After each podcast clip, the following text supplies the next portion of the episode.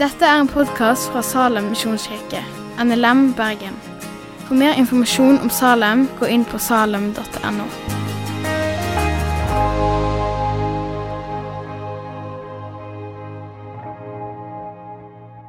Det er 14 dager siden pinse.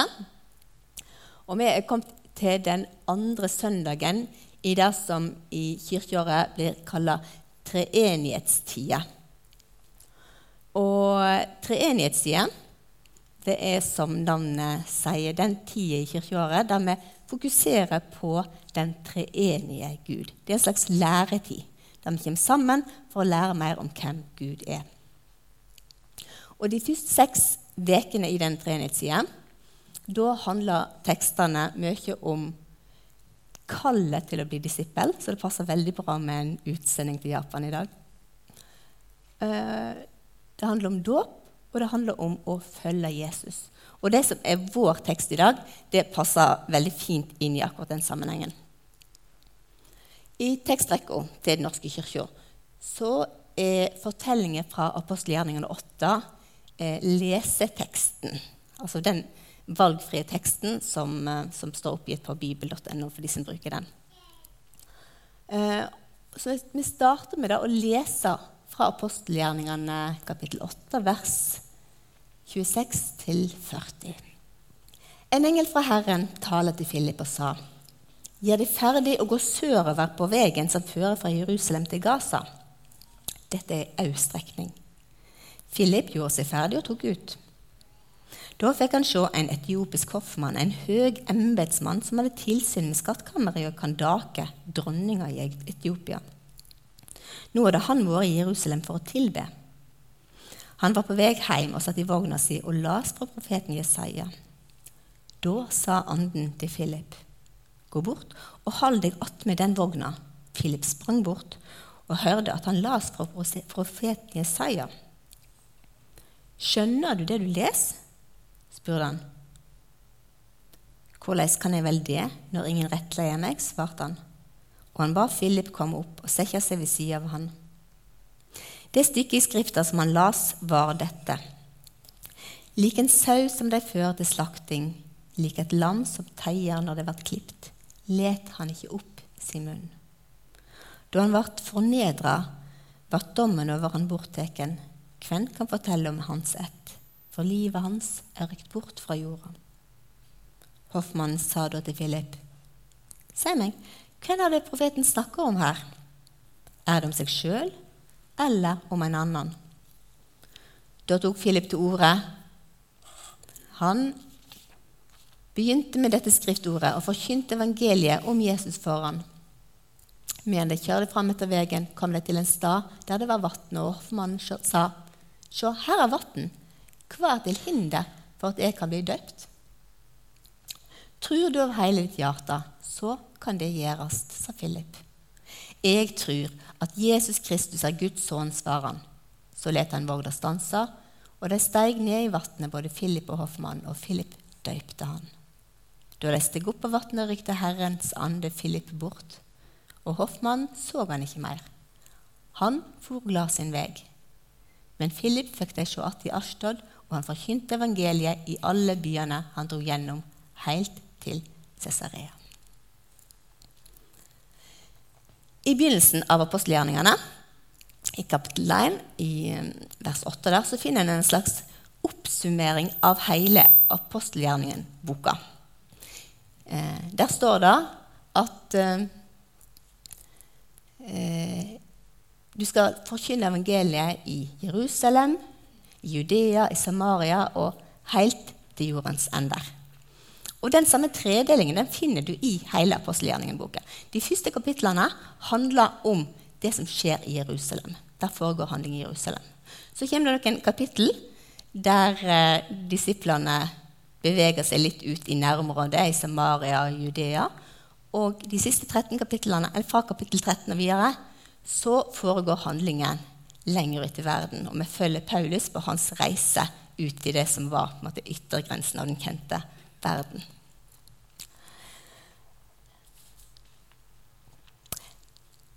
Eh, jeg har hatt en sånn, bitte liten sånn overskrift for den talen her for min egen del. Um, jeg har uh, tenkt at jeg har lyst til å fokusere på hva er det vi kan la oss inspirere av i denne teksten om Philip og den etiopiske hoffmannen. Hva kan vi i dag i Salem, i Bergen i 2022, lære av Philip? Um, så la det klinge litt bak når de hører på. Hva kan vi ta med oss og bruke konkret i vår hverdag i, fra denne teksten her? Men aller først hvem var Philip? I Nytestamentet så møter vi to forskjellige Filipper. Den første møter vi i evangeliene. Han var en av Jesus sine tolv disipler. Eh, dette her er en annen Philip. Vår Philip er ikke en av de tolv, men han er en av de sju. Fordi at eh, Tidligere i apostelgjerningene så kan vi lese om at den store kirkeveksten den gjør at disiplene de må omstrukturere ting. De må ta noen grep for å organisere arbeidet på en annen måte. Og Philip og seks andre menn som det står i, har et godt rykte på seg og et å stole på. De blir utfordra til å ta ansvaret for utdeling av mat, altså det diakonale arbeidet i forsamlingen. En av de andre av disse sju er Stefanus. Det er kanskje disse to som er mest kjent på ettertida. Stefanus han, vet, han uh, blir, som vi vet, steina. Han er den første som må dø for evangeliet sin skyld. Uh, og Drapet på Stefanus det fører til at de andre de må flykte fra Jerusalem. Da fører Philip til Samaria, og, men det betyr ikke at Philip slutter å forkynne evangeliet. Eh, denne uh, forfølgelsen som de opplever i Jerusalem, den fører ikke til at evangeliet på en måte må gå under jorda eller på en måte forsvinne. Den fører til at evangeliet blir spredd. I Samaria så blir Philip stående i en stor vekkelse. Folk blir frelst. Folk får møte Jesus. Kjempespennende. Han får hjelp av noen av de andre apostlene, og de, og de opplever at folk tar imot evangeliet i Samaria. Så drar de tilbake til Jerusalem, og så kommer vi til det som er vår tekst. Etter denne store opplevelsen i Samaria så får Philip en litt rar beskjed av Guds engel, Herrens engel, som det står i teksten. Han får beskjed om å dra opp og gå på en øde strekning ned mot Gaza. Det vil si i retning eh, sør-vest. Eh, uten folk. Det må ha vært en nedtur, kan vi, kan vi si det? Kan vi forestille oss at det må kanskje oppleves litt sånn meningsløst? Han har jo opplevd så masse bra, og det har vært folk rundt han, og de har kommet for å høre. Og så skal han altså dra opp for alt dette her og gi seg ut på en øde strekning. Det står ikke noe om Philip, hvordan han reagerte på dette, men det står at han, eller kan tenkte, men det står at han gjorde som eh, Herrens engel hadde befalt han, og han drar ut på denne strekningen. Snart eh, så får han se en vogn komme kjørende samme vei som han sjøl drar. Og Philip må helt umiddelbart ha skjønt at her kommer en rik eller en veldig mektig person. Det var bare rike, mektige personer som kjørte til vogn. Vanlige folk gikk. De hadde kanskje et esel som kunne ta av seg av eh, bagasjen. og sånne ting. Men det vanlige var å gå. Eh, soldater og hærførere og sånne ting, de kom på en hest. Rikfolk, de skikkelig rike, de satt i en vogn igjen med flere hester. Mannen han er en embetsmann. Han er langt av gårde hjemmefra. Han eh, tjenestegjør hos eh, den etiopiske dronningen Kandake. Kandake er ikke et særnavn. Det er en tittel på samme måte som farao var det i Egypt. Det står i teksten at han hadde tilsyn med skattkammeret til dronninga. Eh, noe som gjør han til en slags finansminister. Han er med andre ord både rik og mektig og velstående. Mannen har vært i Jerusalem for å be. Han har tatt den lange reisa fra Etiopia til Jerusalem for å være i nærheten av tempelet. Og det må jo bety at han bekjenner seg til jødene sin gudstru. Eh, mannen kan aldri bli fullt ut jøde. Eh, I den greske grunnteksten her så blir ordet evenuk brukt om mannen. Eh, mannen er altså kastrert. Og det var ikke uvanlig ved hoff i eh, Orienten i denne oldtida. Um, så det i seg sjøl er ikke spesielt. Men ifølge Moseloven så betydde det at, den, at han kastrerte mannen ikke kunne tas opp i den jødiske forsamlingen. Det står veldig sånn eksplisitt uttrykt i Moseloven med ganske sånn brutale ord at uh, kastrerte menn har, får ikke lov til å bli jøde. Selv om de kan måte, anerkjenne etikken, eller de kan, de kan tro, og de kan, uh, de kan uh, få være med på den ytterste tempelplassen dersom eh, hedningene holdt til. Men nærmere tempelet får de aldri per definisjon komme.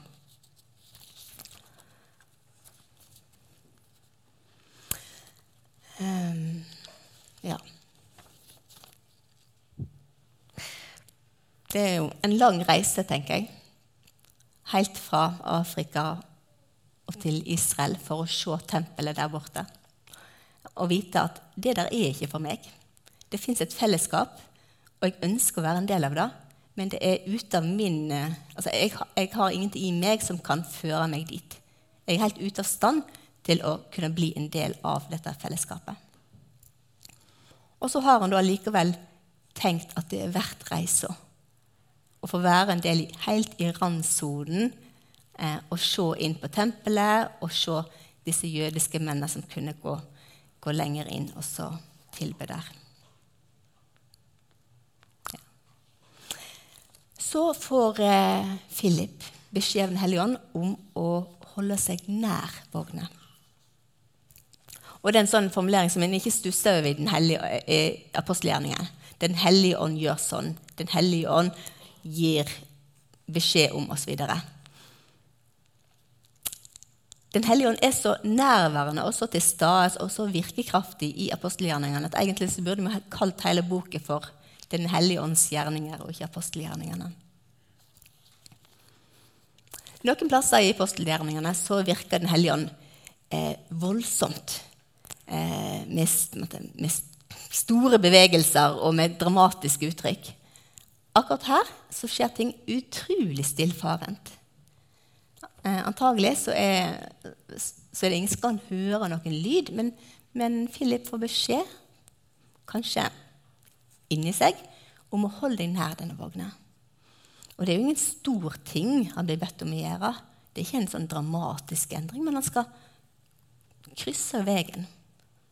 Gå, gå noen skritt langs denne vogna her.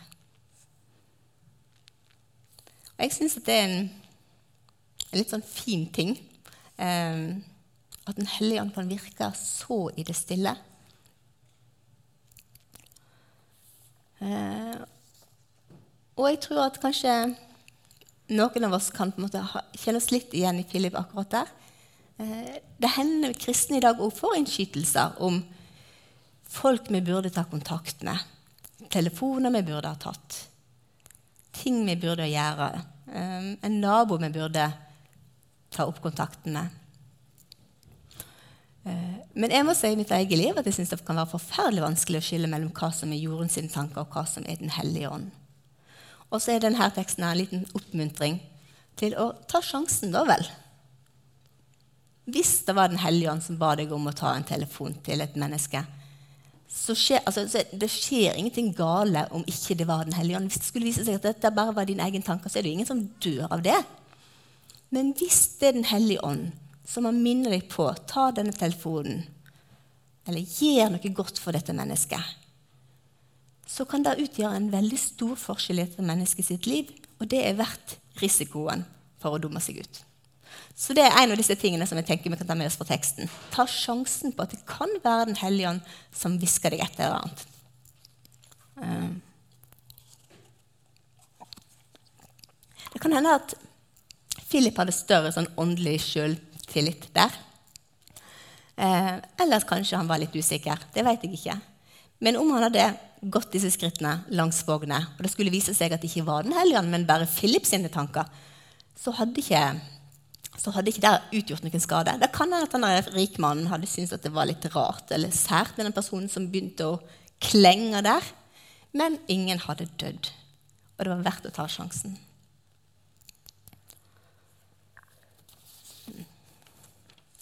Når Philip kommer nærmere, så kan han høre at mannen leser. Og Philip gjenkjenner teksten fra Jesaja. Nå vet vi ikke helt hvordan denne lesingen foregikk. På den tid var det vanlig å lese høyt. Eh, teksten kom uten mellomrom mellom ordene. sånn at det var bare, Teksten var en lang røys med tegn, skrifttegn. Eh, og bare prøv sjøl hjemme Altså, hvis du har en sånn tekst uten mellomrom og sånne ting. Av og til så dukker det opp sånne tekster på Facebook. i noen sånne kommentarer. Eh, prøv selv. Det er faktisk lettere å skille ordene hvis en leser høyt. Det kan jo være greit å ta med seg. Mm. Um, det er en del ting i teksten som tyder på at teksten fra Jesaja er den greske oversettelsen av GT, og ikke den der hebraiske grunnteksten. Uh, men fra tidligere i apostelgjerningen så vet vi at Philip han behersker gresk. Så det var ikke noe problem. Så Philip han kan gjenkjenne teksten fra Jesaja. Så der går Philip. Han tror at Den hellige ånd har ledet ham til å gå akkurat der ved vogna. Han hører mannen som leser. Så hvordan bryter en isen? Hva gjør en videre? Philip han starter med et spørsmål som tar utgangspunkt i mannens situasjon i vogna. Og Det tenker jeg også kan være et sånn tips å ta med seg. Altså Hvis en har lyst til å gjøre noe godt for et annet menneske, hvis en har lyst til å dele fortellingen om Jesus med et annet menneske, så kan det være en god idé å ikke nødvendigvis starte med proklamasjonene og påstandene, men vise litt interesse for det mennesket som man har foran seg. Stille et spørsmål, være litt spørrende, være litt sånn positivt nysgjerrig på det andre mennesket. Og starte med der som den det andre mennesket er. Forstår du det du leser? Hva bok er det du holder på med?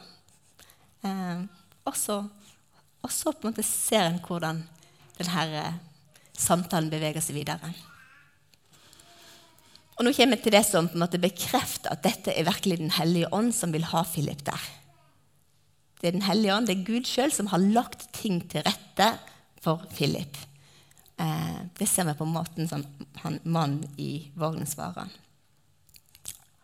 Eh, hvordan i all verden skal jeg kunne forstå dette her når jeg ikke har noen som forklarer det for meg? Ja Det er Philip sitt, eh, sitt klu, stikkord. Og så får han da anledningen til å fortelle.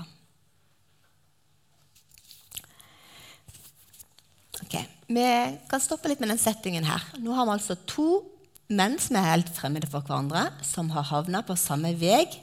De har havna i samme vogn faktisk fordi at Philip blir invitert, invitert opp i vogna for å fortsette samtalen der. Den ene mannen er en mektig finansminister fra et land og en kultur langt, langt borte. Philip er en evangelist. Han er mer på heimebane. Philip er en gift og i hvert fall firebarnsfar. Kanskje har han flere barn òg. Vi vet fra en annen tekst i, i apostelgjerningene at Philip har fire ugifte døtre som har profetisk gave. Så Philip er en, en familiemann. Den etiopiske overmannen han er singel. Naturligvis er han singel. Han har ikke barn eller kone. Selvsagt er ikke det han da. Så de har en del ting som skiller dem. Det er ganske mange ting som, som gjør at de er litt på forskjellige plasser eh, i livet sitt. Og så virker det her som om det ikke betyr all verden for Philip. Det virker ikke som om han lar seg avskrekke. Eh, det virker ikke som om den sosiale statusen eller forskjellen sosial status hindrer han i å dele det gode som han har. Han lar ikke forskjellen i sosial eller sivil eller økonomisk status hindre han i å dele evangeliet.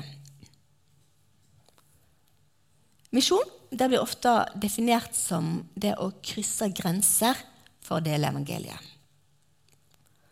Eh, og her i Misjonssambandet så, så sender vi ut folk. Folk krysser grenser, geografiske grenser for å kunne nå andre med evangeliet. Philip han krysser ingen geografiske grenser, men han krysser en del andre grenser for å dele evangeliet med den etiopiske offermannen. Eh, det er den fremmede som har kryssa geografiske grenser for å komme dit Philip befinner seg. Og så lurer jeg på har vi noen rundt oss som har kryssa geografiske grenser for å komme dit vi er? Fins det noen fremmede rundt oss? Takk for at du har hørt på podkasten fra Salem, Bergen. I Salem vil vi vinne, bevare, utruste og sende, til Guds ære. Vi ønsker å se mennesker finne fellesskap, møte Jesus og bli disippelgjort her i Bergen og i resten av verden. Vil du vite mer om oss, gå inn på salem.no.